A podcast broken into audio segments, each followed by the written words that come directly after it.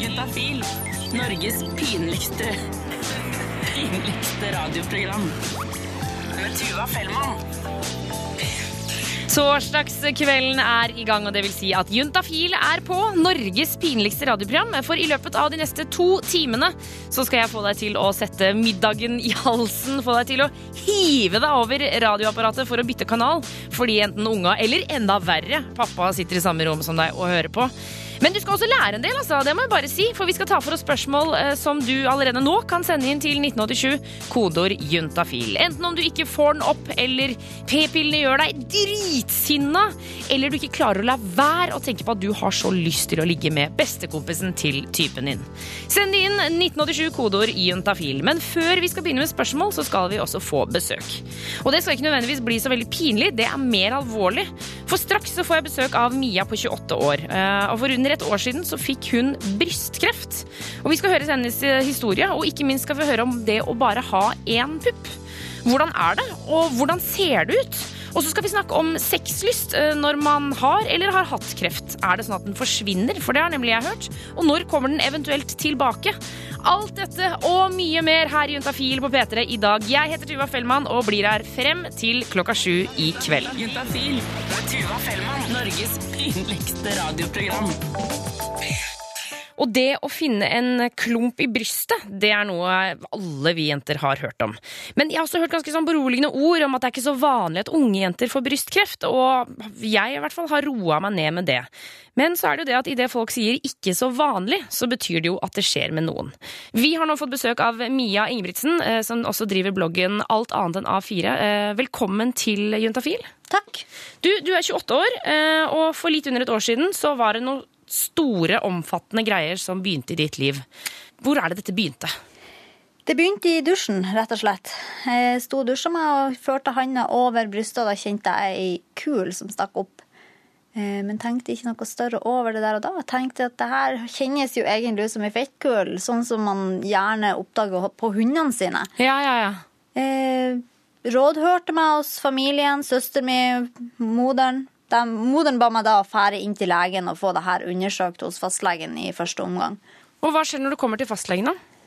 Hun, hun kjente på kula, eh, sa at det her burde eh, undersøkes nærmere, så jeg ble sendt inn til BDS, Brystdiagnostisk senter her i byen, der de eh, tok utvida undersøkelse av eh, sånn trippeldiagnostikk, som de kaller det. Ok, Og det er med mammografi og sånne ting, eller? Det er mammografi, ultralyd og biopsi av, eh, av svulsten. Og, og hva får du vite der? Der får jeg vite at det ser ikke helt friskt ut, men han kunne ikke gi meg noe klar diagnose på dagen. Som regel får man vite det samme dag, men han kunne ikke gi den der og da. Eh, Så jeg dro jo hjem med en tanke i hodet om at det så ikke friskt ut, men hva kunne det være? Så tok det tre-fire dager, og så fikk jeg vite endelig diagnose. Og hva var de diagnosene? Det var kreft. Og han hadde tidligere forespeila meg at jeg skulle ha brystbevarende kirurgi, men i telefonen så sier han jeg tror vi tar hele puppen. Så da, eh, da måtte jeg få det til å synke litt inn. Ja, for hva, altså, hva går gjennom hodet ditt da, når han sier det?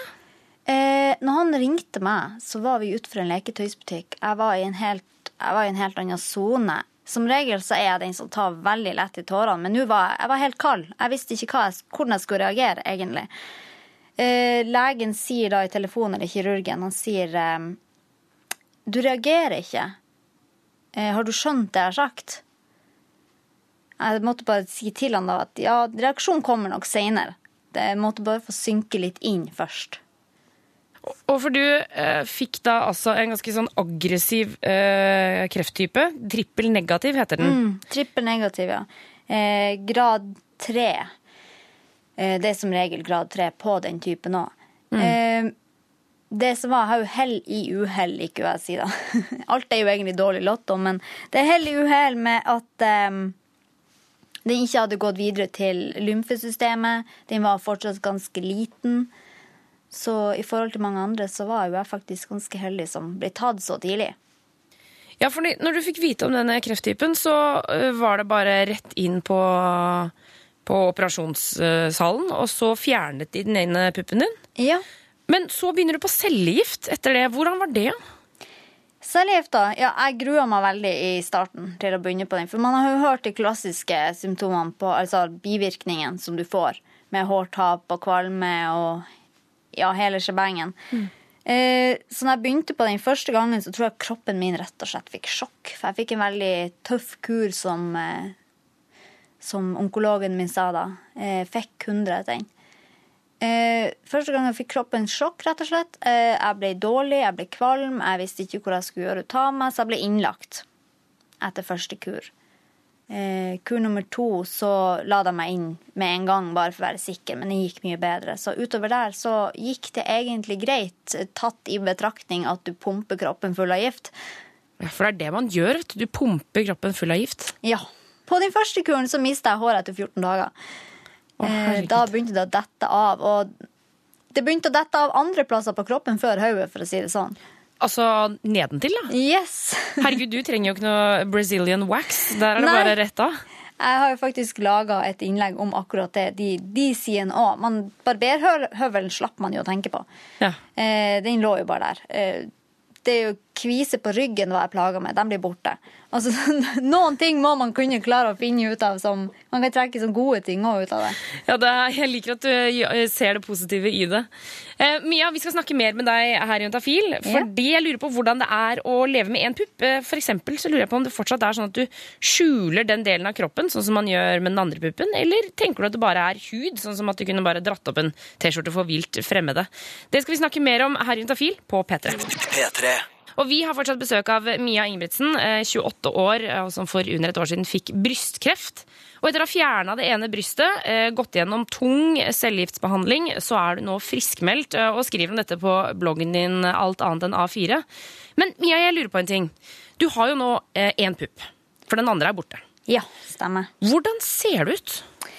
Det ser ganske flatt ut med et ganske tjukt arr over på høyresida. Så, går det, altså, hvilken vei går det? Går det rett ned eller sidelengs? Eller? Det går på skrått, faktisk. Eh, fra litt ned og opp mot armhula. Ok. Eh, det som er at det arret folk ser, det er egentlig mindre enn det arret som er under huden. For at puppen er jo basically skrapa bort. Hvis man kjenner over, så er det ei som beskriver det som at det kjennes ut som man har hatt sånne isscooper. Å ja! Og skrapa bort puppen under. Sånn som når man lager iskuler. Ja, det blir sånne dumper under huden. Ai, nettopp. Og så har de liksom sydd igjen, da. Ja.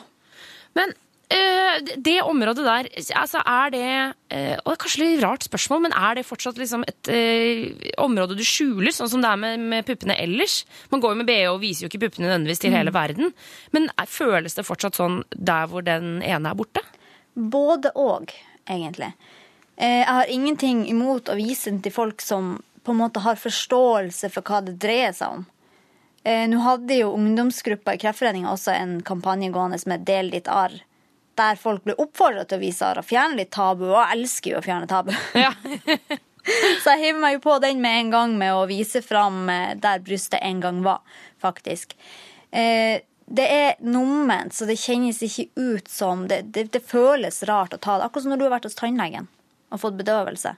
Ja, at det bare man, man, Altså, du kjenner med fingrene at du tar der, men du kjenner ikke på selve kjakan, holdt jeg på å si. Ja, akkurat sånn er det, er det i hele det området på brystet.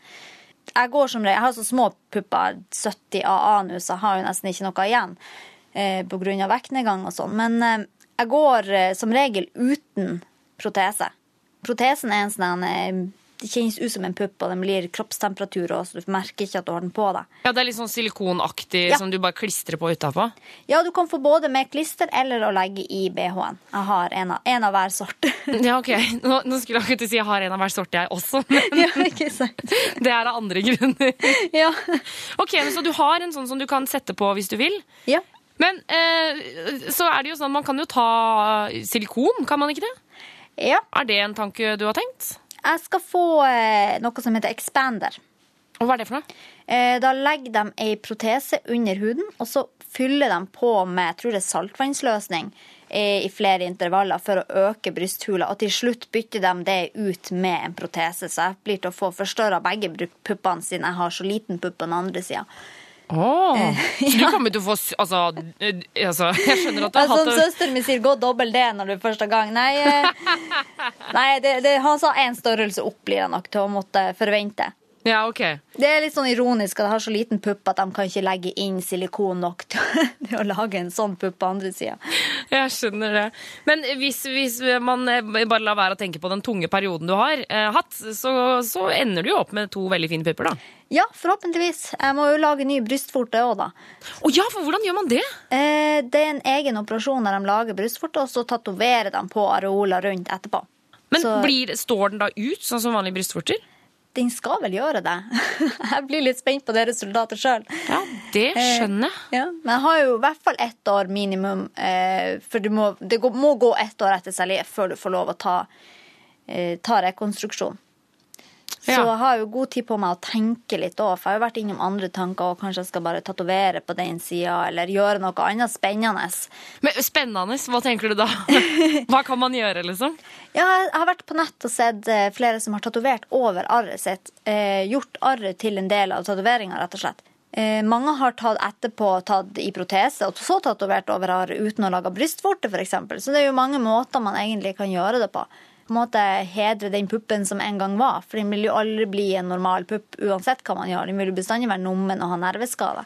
Ja, Og det vil aldri komme melk ut av den, eller Nei. noe sånt noe? Det Men- gjør det ikke. Eh, Mia, du skal bli her i Juntafil litt til. Eh, for det med kreft eh, og cellegift og det som er, så lurer jeg på hvordan sexlysten da var. Eh, det skal vi få svare på straks her i Juntafil. P3. Vi har fortsatt besøk av Mia Ingebrigtsen på 28, eh, som driver bloggen Alt annet enn A4. Eh, Og Mia, for eh, under et år siden så opererte du bort den ene puppen fordi du hadde fått en aggressiv brystkrefttype. Nå er du friskmeldt. Jeg har litt lyst til å snakke om sexlyst, eh, for det er jo juntafil vi er på her. Men jeg har lest og hørt litt forskjellige ting om andre som har hatt kreft, men jeg har egentlig aldri fått noe ordentlig bekrefta. Hvordan har din sexlyst vært i denne prosessen? Min sexlyst har vært ekstremt laber. Ok. For å si det på den måten. Du fikk jo, eh, det er jo mange andre. Brystkreft er ikke bare én ting, det er mye forskjellig. Det er flere forskjellige varianter. Noen må ta hormonpiller som gjør at de blir i overgangsalderen. Sjøl fikk jeg noe som het Soladec, som slo av eggstokkene. Hæ, vent da, en gang til. Du, du, du har slått av eggstokkene? Ja, nå er de begynt å slå seg på igjen. Men da, da var de slått av under cellegiftene for å beskytte eggstokkene, i stedet for å fryse ned egg. Ja, for det gjør man jo når, når menn får eksempel testikkelkreft, så, så fryser man jo ned sæd, gjør man ikke det? Ja, stemmer det. Så, men når du sier at man har slått av eggstokkene, da er det, er det en sprøyte eller noe som du får, da? Det er en ganske stor sprøyte som sprøyter i magen. En ampull i den sprøyta som går inn under huden og slår, slår av alt av hormoner. Da ble jeg kastet, på Under ei uke ble jeg kasta inn i overgangsalderen. Å herregud, med altså hetetokter, miste mensen, alt sammen? Hetetokten, mista mensen, hele shebangen på en og samme gang. Så det var, det var ganske heftig, men eh, man sto han av. Det, man kom igjennom det òg. Men, eh, så, men dette med sex, eh, sexlysten, var det, var det da kun under cellegiften, eller har den kommet tilbake? Eh, Foreløpig har den ikke kommet tilbake, så jeg har fått henvisning til gynekolog for å undersøke litt nærmere. Fordi jeg ble Det er det som er at alle slimhinner tørker inn. Man, I munnen, øynene, overalt. Men også i underlivet. Å, så det er faktisk ikke mulig å ha sex på en måte? Det blir for, for tørt? Noen klarer det nok sikkert, og noen har jo ja, andre hjelpemidler, men hos meg var det så veldig tørt at jeg kunne ikke ha fått inn en tampong om jeg hadde prøvd. Det, det hadde rett og slett ikke vært fysisk mulig. Vi prøvde, men det var så smertefullt at det var bare å droppe det. Ja, fordi, altså, for, for når du sier at det sexlysten er borte, er det det da at du ikke er eh, kåt, eller var det det at du ikke altså, bare føltes det feil? Når jeg, ferdig, altså, når jeg holdt på med cellegift, da, så, så var jeg ikke kåt. Altså, jeg hadde ikke noe sexdriv i det hele tatt. Eh, mulig for at jeg var så sliten og alt som sto på samtidig, at man bare var med i en evig karusell. Men etterpå så har man jo lyst til å gå tilbake til normalen. Og når den enda ikke kom, og man prøvde, og man ville jo faktisk ha sexlyst, men den kom bare ikke. Så man sitter der og er litt sånn frustrert. Kom igjen, sexlyst. Hvor blir du av? Men hvordan, eh, Hva tenker du om det nå som den ikke har kommet tilbake? Er du stressa for det? Ja, jeg tenker mer på samboeren min, stakkars. Ja, for hva, Hvordan har dette vært for han? Han har vært eksemplarisk gjennom det hele. Veldig stor forståelse. Ja. for at det er sånn. Eh, så prøver jo jeg liksom for hans del å, å få gjort ting, som deriblant å oppsøke gynekolog for å se om det er noe man kan gjøre. Eh, for fastlegen min torde jo ikke å gi meg noe pga. på grunn av kreften. For noen krefttyper fôres jo av hormoner. Min gjør jo ikke det, da. Nei, ikke sant? Ja, fordi da, Han kunne ikke jeg gi deg noen hormoner for at, for at du skulle komme tilbake. For å være redd for å, å tukle med, med det som var på en måte oppnådd. Ja, han var ærlig og innrømte at han hadde for lite kompetanse på akkurat det området, så han henviste meg til onkologene, kreftlegene, da, på sykehuset. Ja, for hva, har, du, har du snakket med, med de om Eller har du snakket med noen på sykehuset om manglende sexlyst? Ja, under behandlinga tok jeg det opp med dem, og da tok jeg også opp med dem at eh, jeg var veldig tørr der nede. Eh, for når du er veldig tørr, så er du også utsatt for infeksjoner, og i tillegg har dårlig immunforsvar pga. cellegifta. Så jeg fikk jo en del infeksjoner òg, som ikke heller gjør at du har så veldig lyst på sex. Nei. Så, eh, men i ettertid nå har jeg jo vært tilbake hos han og tatt det opp på nytt, for da fikk jeg beskjed om at det må du bare leve med. Og det syns jeg egentlig var en forferdelig, en forferdelig beskjed å få. Eh, du, har du, får du får samtidig vite at du skal leve mest mulig normalt under behandlinga, men du kan jo ikke det når du ikke kan ha noe aktivt sexliv. Eh, nå derimot så har jeg fått, blitt henvist videre for mer undersøking og se om det er noe man kan gjøre. Eh, Mia Ingebrigtsen, eh, jeg ønsker deg masse masse lykke til, og tusen takk for at du kom innom Juntafil og fortalte om dette. Ja, takk. P3. Og nå har jeg fått eh, mitt faste besøk, nemlig Sex og Samfunn, i dag representert av Nils Petter. Velkommen. Hallo. Er det ikke deilig med en sånn introduksjon? Å, fantastisk! Takk for den. Eh, Sex og Samfunn det er jo en gratisklinikk i Oslo, hvor man kan gå og sjekke seg for både det ene og det andre. Ja, det er i hvert fall sikkert. Ja, Og på torsdager så er dere innom her på P3 og deler med resten av landet. Til alle som ikke, som er, ikke er i hovedstaden. Man kan sende inn spørsmål til 1987, kodeord juntafil. Altså pass på, ikke eh, kodeord P3, men kodeordet juntafil er det du skal bruke. Eh, Og ta gjerne med kjønn og alder eh, hvis du er keen på det. Vi har fått inn et spørsmål her, Nils Petter, hvor det står Halla, jeg lurer på om det er en myte at det er så himla mye kalorier i sperm. Er jo flaks å svelge, men uflaks å bli smellfeit av det. Ja, da har du skikkelig uflaks, altså. Det, da tror jeg du skal være veldig sulten, eh, Sulten på sperm? sperm. Ja. Ok, for, for eh, altså Går det an å bli tjukk av å svelge? Vet du, det tror jeg har gjort veldig få studier på, men det tror jeg med stor sikkerhet jeg skal si nei. Ja. Ja, Eller med 100 sikkerhet nei. Det blir det ikke. Du blir ikke tjukk av å svelge. Ja, svaret er nei. Fordi det er jo, jeg, jeg tenker sånn, men, men er det kalorier i sperm? Vet vi det? Ja, altså kalorier er det jo for så vidt det meste. Det er bare en måte å regne om eh, energi på, da. Ja. Men altså, det er jo forferdelig lite kalorier altså, i, i sperm. Det, der, det, det er en av mange myter som florerer rundt omkring. Og så er det sikkert veldig morsomt å si at det er så fantastisk mye kalorier i. Ja. Ja, fordi det høres så fint og flott ut, men det er det altså ikke. Nei, det er liksom Nei. sånn, nei, jeg svelger ikke for å stay trim. Og så sier de sånn, no. Nei, det er kanskje ikke det som er grunnen. Men kanskje vi sier at det er én kalori, da. Ja, Ja. ikke sant? Så, Så, den, eh, det, det er jo en veldig mager diett. ja, og det, jeg tenker at da skal du svelge veldig mye og veldig, veldig ofte. Eh, hvis det skal ha noe på vektøkninga. Så jeg tror vi skal vi bare drepe den myten. Ja, vi gjør det. Ja, jeg syns det var deilig. Ja. Juntafil. Norges pinligste radioprogram. P3. Vi, vi har besøk av Nils Petter, og vi svarer på spørsmål sex, kropp og følelser. Nils Petter. Det gjør vi. Eh, og det kommer inn til 1987, kodeord juntafil. Og vi har fått inn et eh, spørsmål her som eh, gir en liten heads up til dere som sitter og spiser middag. Hei, hvorfor lukter det sånn fisk, skråstrek, reker av fitta mi? Jeg vasker meg, og er eh, ikke noe galt sånn sett. Prikk, prikk, prikk. Hva, ja, hva tenker du, Nils Petter? Eh, Jeg tenker det at eh, det kan høres ut som det vi kaller for skjedekatarr, eller bakteriell vaginose, som det heter på fagspråket. Men når du sier skjedekatarr, altså er det Ja. det samme som Altså er det bare en underlivsversjon av øyekatarr? En slags forkjølelse i, i underlivet. Ja, jeg er, det er mitt eh, favorittuttrykk, altså. Em, men det er relativt vanlig, altså. Og det er rett og slett en eh, endring av bakteriefloraen i skjeden enn den som egentlig skal være der normalt sett. Også, men det kan komme ganske ofte av eh, sånn overhygiene. Så eh, selv om man kan tenke at det virker naturlig at man da skal vaske og skylle ordentlig godt, og kanskje bruke masse såpe og, og spyle i skjeden, så er det ikke lurt. Nei. Nei, fordi da eh, vasker man bort de naturlige melkesyrebakteriene som skal være der, og så blir det bare enda verre.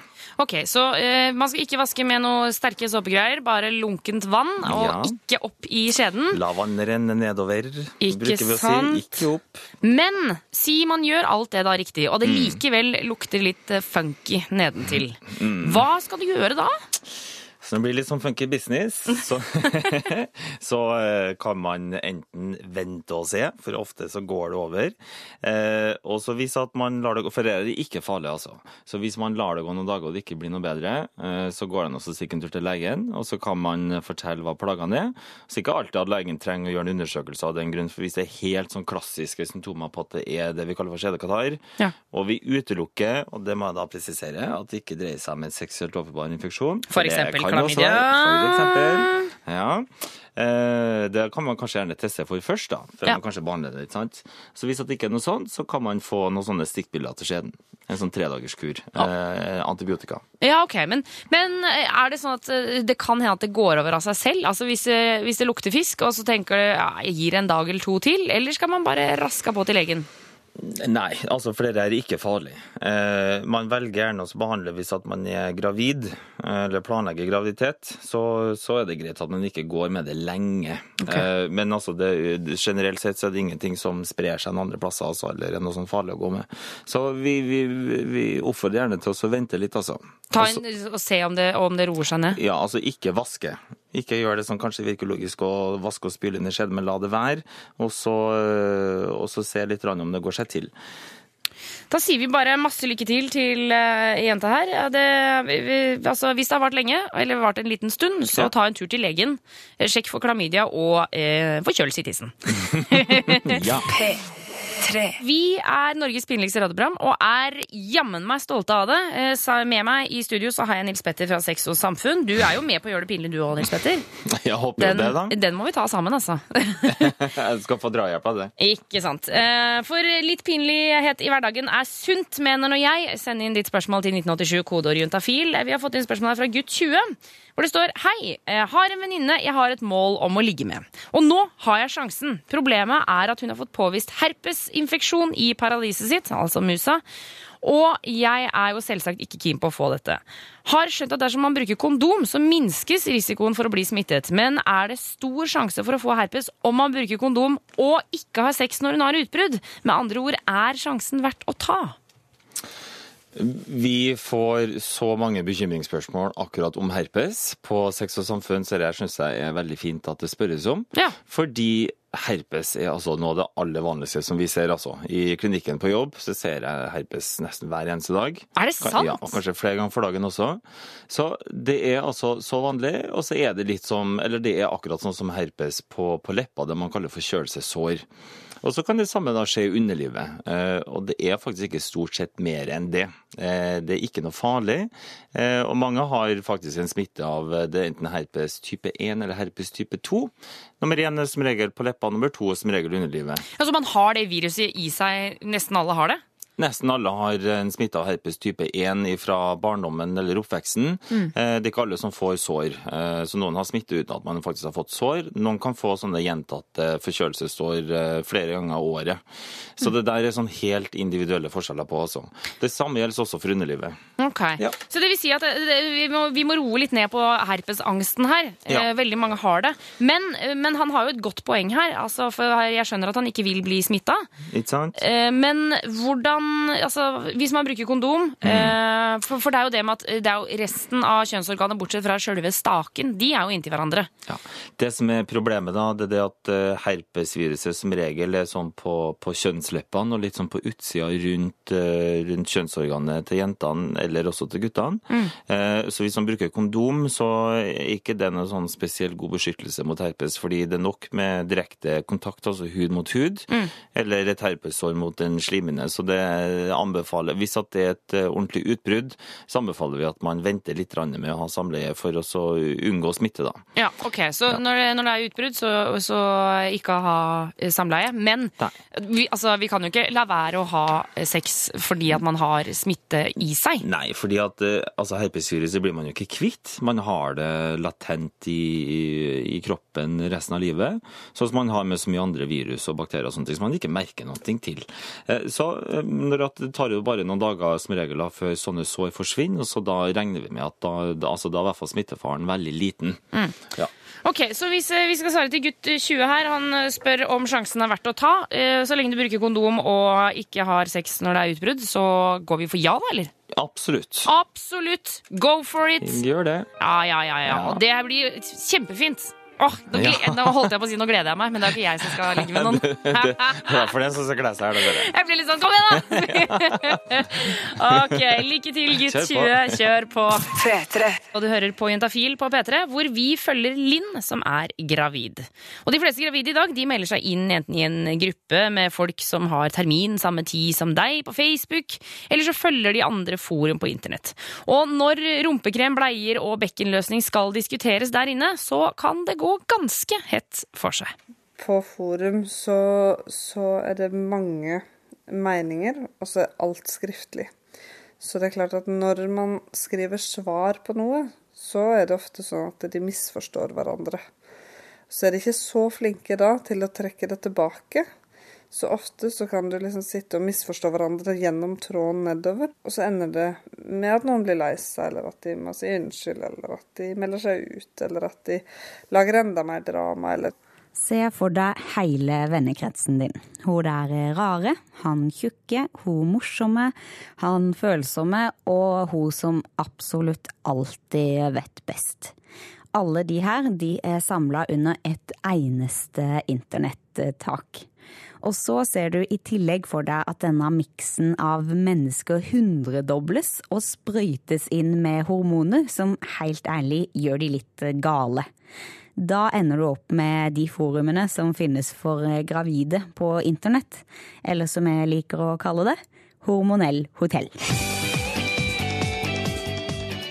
Det kan bli ganske kaos. Det har jo vært eh, mange som har meldt seg ut. Ja, de har krangla og vært ufine mot hverandre. Og veldig Kanskje faktisk det var mest i begynnelsen. Når svangerskapshormonene herjer som verst. Selvfølgelig så har disse foruma òg veldig store fordeler. Du har muligheten til å finne ut av ting som gravide samtidig som da, de som har termin i samme måned som deg. Da. Du er gjerne medlem av et forum. Eh, septemberforum, oktoberforum, ja, Maimødrene. Ja. Oktoberskattene og mye forskjellig. Og så der lurer jo veldig mange på det samme som egentlig du sjøl lurer på. Og da er det positivt fordi du får svar på mye som du sjøl tenker på eller grubler på. Og så bare Å jøss, ja, de tenkte på akkurat det samme. Eller de tok opp akkurat det samme. Så ingen spørsmål er dumme. Men det er Linn som ikke bare er gravid for fjerde gang og begynner å få nokså god kontroll, men òg er sykepleier, tenker på, det er at inne på disse foruma så kan jo hormonelle, vordende mødre blåse ganske uviktige ting opp til å bli livsviktige. Eller så kan de blåse av ganske viktige ting. Hvis noen kommer med et spørsmål er det farlig å ta Ibux i graviditeten f.eks., så kan noen si nei, nei, det er bare å ta for det sa min lege til meg. Det gjelder jo overhodet ikke alle. Selv om legen sa det til nettopp den personen, så er det farlig å ta Ibux i graviditeten. Så det er klart at man må jo, det man sier må jo stemme. Og er det noen som ber om råd, så må man jo være sikker på at det man skriver faktisk er korrekt, da. Nå som sommeren er kommet, så har Linn tenkt å ta ferie fra disse foruma og bare slappe av med den store magen sin. Og innen Juntafil er tilbake i august, så er det ganske mye som skal skje inni der. Når vi treffes igjen, så kan hodet feste seg i bekkenet. Og det som skjer da, som er deilig for min del som da har bekkenløsning, er jo at det vil bli mer stabilt. Så har alle fem sansene til barnet begynt å fungere. De indre organene fortsetter å modnes. Og så forbereder lungene seg til å puste på ordentlig. Og vi møter linjen over sommeren når hun da er høygravid, og vi skal følge henne både videre under og etter fødsel. Reporter her var Grete Husebø. Juntafil presenterer erotiske folkeeventyr. I dag Det romfitta slaget. Det var en gutt som gikk hos kjæresten sin om lørdagskvelden. Hun lå i senga, og gubben og kjerringa lå i stugu ved sida av. Han hadde ei brennevinsflaske med seg, og den la han i senga til jenta mens han kledde av seg. Jenta sneikte seg en slurk ifra flaska, og da gutten skulle ta av att, kjente han at flaska hadde blitt lettere. Åhå, her har det vært folk før, sa gutten. Nei, det er ikke det, men det er det å si til dette romfitta slaget, ropte mora til jenta ifra stugu.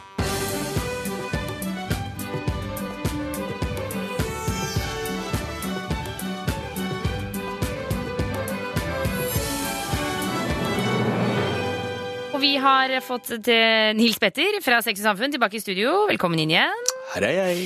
Eh, Du svarer på spørsmål som kommer inn til 1987, kodeord juntafil. Er du klar for et nytt et? Ja. Eh, Her står det Jente 90-modell. Jeg har veldig lyst eh, på silikon pga. at jeg syns jeg har så små pupper. En liten B, står det. Pluss at den ene puppen merkes veldig godt på for- størrelsesforskjell.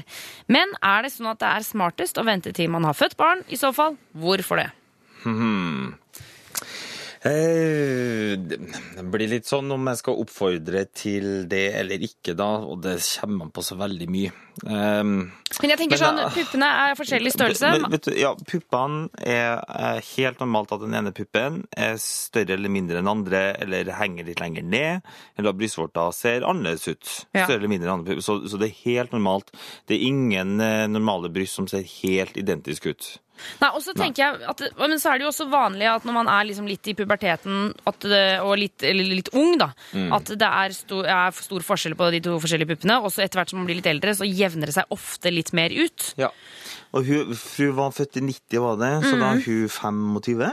Regner jeg rett at du var? Mm. Ja, 24? 25? Noe i den duren, i hvert fall. Ja.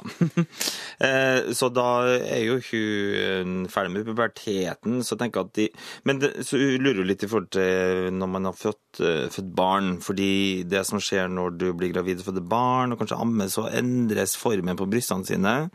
Eh, så at det kan Det kan absolutt være greit å vente til man har fått barn, før man egentlig ser om man fortsatt ønsker å ha faktisk noen silikonimplantater. Ja. Jeg syns at det skal være en veldig nøye vurdering om man, om man opererer inn implantater av brystene sine. Jeg kan forstå at mange ønsker det hvis at man opplever at man har veldig små, små pupper. og Det er ikke det at man absolutt aldri skal gjøre det, men, men at det i hvert fall blir eh, vurdert nøye. da. Ja, mm, og så tenker jeg litt sånn For jeg er jo litt opptatt av dette her. For jeg, da jeg var yngre, så hadde jeg også veldig lyst på silikon. Hvis jeg skal være helt ærlig For jeg har også ganske små pupper. Men så gjorde jeg det jo ikke. Og den dag i dag så er jeg egentlig ganske glad for det, og så er jeg egentlig litt stolt av det også. Fordi jeg syns at hvis vi hele tiden må endre på utseendet Jeg skjønner at hvis man har liksom megakomplekser, og det er megavanskelig, alt er helt jævlig, ja ok, men, men det er noe med det å endre kropp for å få en bedre selvfølelse, eller for å tro at man blir lykkeligere, eller noe sånt noe. Det er, jeg kjenner at jeg er skikkelig skeptisk til, altså. Ja, jeg er faktisk enig i det, altså. Eh, Jeg er utgangspunktet skeptisk, Også, men det finnes unntak. Og der er det som sagt altså opp eh, Man bør i hvert fall diskutere det med, med flere, syns jeg. Og egentlig gå noen runder med seg selv og egentlig finne ut hva er det som gjør at man ikke er fornøyd med puppene sine. Er det fordi at For noen kan jo ha, altså være helt flatbrista, ikke sant? Hvor det faktisk er en, er faktisk en grunn, eh, som nesten medisinsk grunn, til at man ikke egentlig har noe særlig brystvev. Mm. Og da kan man jo kanskje lettere forstå at eh, det det her vil man faktisk ha pupper. Ja. Um, Men igjen, det, er, det, man, det bør i hvert fall ikke være en sånn quick fix, og man bør i hvert fall ha hatt lyst på det veldig lenge. Ja. Ja, veldig en- lenge, syns jeg, altså, før man i hele tatt eh, bestemmer seg for å, starte en prosess da, og finne ut av om man eh, skal gå for det eller ikke.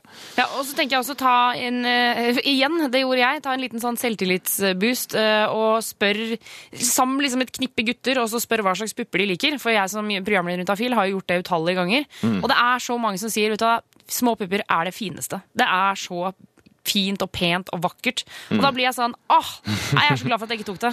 Men selvfølgelig, jeg skal ikke komme her nå og komme noe med noen pekefinger, men jeg bare å, ta noen ekstra runder hvis det bare er det at du kjenner at du har litt for små pupper. Ja. Vi var ikke for strenge nå, Nils Petter. Nei, var vi det, da? Nei, jeg synes ikke det. Vi, vi får lov å være litt strenge. ja, men, men altså, vi Alle muligheter å åpne. Men, men vi, vi er litt strenge, det er vi. Ja. Ja, I hvert fall jeg syns du er relativt ung, jeg, da. Ja, ikke Ja, sant. jeg synes det. Eh, Lykke til uansett, eh, og hold oss gjerne oppdatert på hva, hva det ender på. Petre. Vi skal svare på spørsmål 1987, kodeord juntafil, eh, hvor det står Hei! Jeg er 21 år og har nå gått på Ceracet, parentes minipille, i fem måneder. Jeg har alltid hatt regelmessig mens, eh, fire til fem dager hver måned. Etter at jeg begynte på pillene, har det gått opptil opp til to uker hver måned. Er dette normalt, eller burde jeg kontakte lege? Og så er dette spørsmålet todelt, så det kommer en liten bit til, men først og fremst, bør hun kontakte lege? Altså, når du hadde regelmessig mens å begynne med, og så starta på de Ceracet-tablettene, som er p-piller som eh, ikke inneholder østrogen, men bare det som heter gestagen. Ja. Eh, så det høres jo veldig ut som at det er en direkte grunn da, til at blødningene har endra seg. Og vanligvis så får man eh, mye mindre blødning på Ceracet, eh, og de fleste opplever at kanskje menstruasjonene uteblir helt etter hvert. Det kan være litt uregelmessig de første månedene, og så vil det gå seg mer til å bli mye mindre blødning, altså. Ja, men hun her har jo Men- gått opp, ja. Ja, så hun har jo tatt dem i fem måneder, og det var jo litt lenge til at man skal forvente at det blir noe sånn stor endring nå. Men noen kan altså oppleve at det eh, at blødningene varer i lengre tid. Sånn er det. Noen kan få litt mer sånn uregelmessige blødninger av det, selv om de fleste kanskje mister blødningene eh, så å si helt. Så utgangspunktet er ikke unormalt. Eh, ikke noe som jeg tenker må oppsøke lege for kommer litt an på hvor mye hun blør. da. Altså, det kan jo være så mange andre grunner også. Det kan jo tilfeldigvis være en kjønnssykdom, men nå går vi ut ifra at det ikke er det, da. Ja. Eh, så um, Jeg tenker jo sånn, Det er jo litt dritt å ha mer mensen enn nødvendig. Ja, det var kanskje ikke det hun ville ha. Eh, Nei. nei. Og da er det litt sånn at hvis at eh, man får litt sånne plager eller bivirkninger som også kan være litt blødningsforstyrrelser på én type p-piller eller en type prevensjon, så kan man prøve å bytte til en annen. Ja. Og det finnes mange alternativer, altså. Ja, fordi Nå skal vi over på alternativer, for resten Ja. av meldingen lyder moren min har hatt kreft to ganger, og jeg har derfor blitt frarådet å bruke vanlige p-piller. Hva er det beste alternativet for oss som burde unngå for mye hormoner i kroppen? Mhm.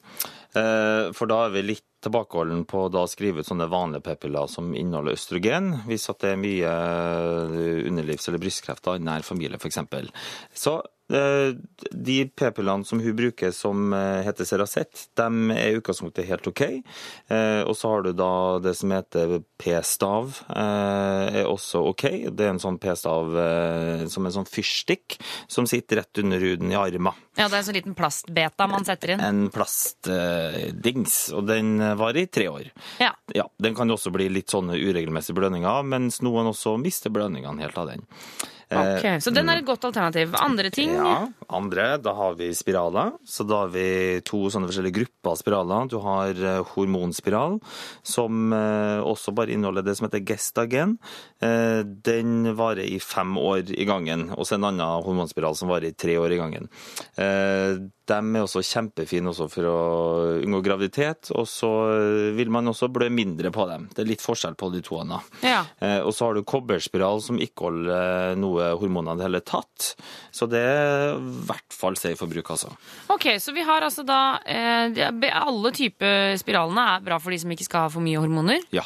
Og eh, ikke minst p-stav. Og så eh, Ceracet, da de som er østrogen. ja. Og så har du p-sprøyte. Så har du p-sprøyte. Det er så mye prevensjonsmidler at det er ikke Ja, måte på! Det er masse å velge i, så det løpet er ikke kjørt ennå, altså, hvis at du er plaga med blødninger. Nei, Og så er det jo det som vi ofte sier, at hvis du ikke er fornøyd og har gått på det en stund, og i hvert fall over tre måneder, Ja. så er det mulighet for å bare bytte over. Store muligheter for å bytte. Ikke sant? Ja. P3. Tenkte du skulle få med deg et siste spørsmål, Nils Petter. Ja, kjør på. Ok, eh, hvor det står Hei, hei juntafil, lurer på om det er mulig for en jente å bli gravid hvis en spruter sæd på rumpen hennes, eh, og så renner det litt ned til underlivet med truse på. Hilsen småbekymret gutt. Uff, det må noe fryktelig mye til, det, ja. Og det må mye til, ja. ja. Å, så deilig, da. Så Ja, slipper vi å bekymre oss for det. Jeg tror vi kan ta av en del av bekymringene allerede. Altså. Okay. Det, ja. Eh, Hvis vi skal snakke veldig teoretisk, så, så det er mye som kan gå an. Men i tilfellet her, altså med trusa på i tillegg, Ja, for det må inn i skjeden der for at det skal bli noe. Det blir veldig vanskelig for de sædcellene når det finner fram. Altså. Ja. Det, ja, så jeg tror vi egentlig kan si nei. Men jeg lurer på, altså, hvor lenge lever de sædcellene fra uh, utskytning, holdt jeg på å si, til eh, Når er det de dør? Du, altså Vi satte utløsning inn i skjeden, eh, hvor det er et fint miljø Eller det er faktisk ikke veldig fint miljø i skjeden i hele tatt for sædcellene. Det er veldig sånn toksisk, så de må skynde seg opp i, i livmora. Men de kan vare opp til fem dager før de dør helt. da. De er inne i livmora og svømmer og leter etter egg. Ja. Ja, Men eh, utenfor, altså i, i, ut i luft, så dør de veldig fort. For de er veldig avhengige av kroppstemperatur. Eh, også hvis han skal opp gjennom hele skjeden helt fra yttersida, så er det veldig mye sånn eh, som tar livet av sædceller på veien der, altså. Ja, det er mye ja. svømming og kaving der Ja, opp det mot egget. blir fryktelig mye rot for dem, så det der, eh, det der er vanskelig. Men jeg syns jo at uh, denne småbekymra gutten altså, Du skal ha en klapp på skulderen altså, Ja. for å, å, å stille spørsmål og bry deg og være bekymra, for det er, det er jo lurt å ha det i bakhodet. Absolutt. Um, Nils Petter, tusen takk for at du kom innom Juntafil i dag. Takk for meg. Eh, og så er det jo sånn at Dette her er Juntafil sin siste sending denne sesongen, men vi Ja. snakkes jo over sommeren. Ja, det håper jeg. Ja, ja, ja. Og så kan jeg jo bare legge til at Juntafil er også å finne på MP3 hver mandag gjennom hele sommeren.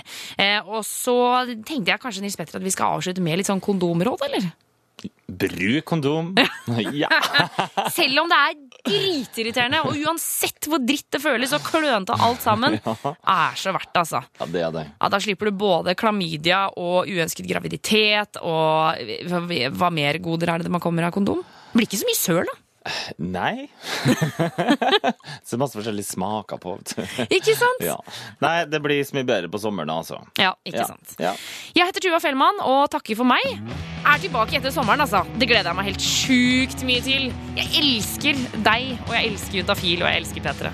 Så vi høres i august, tipper jeg. Norges pinligste radioprogram Juntafil. med Tuva Fellmann. P3.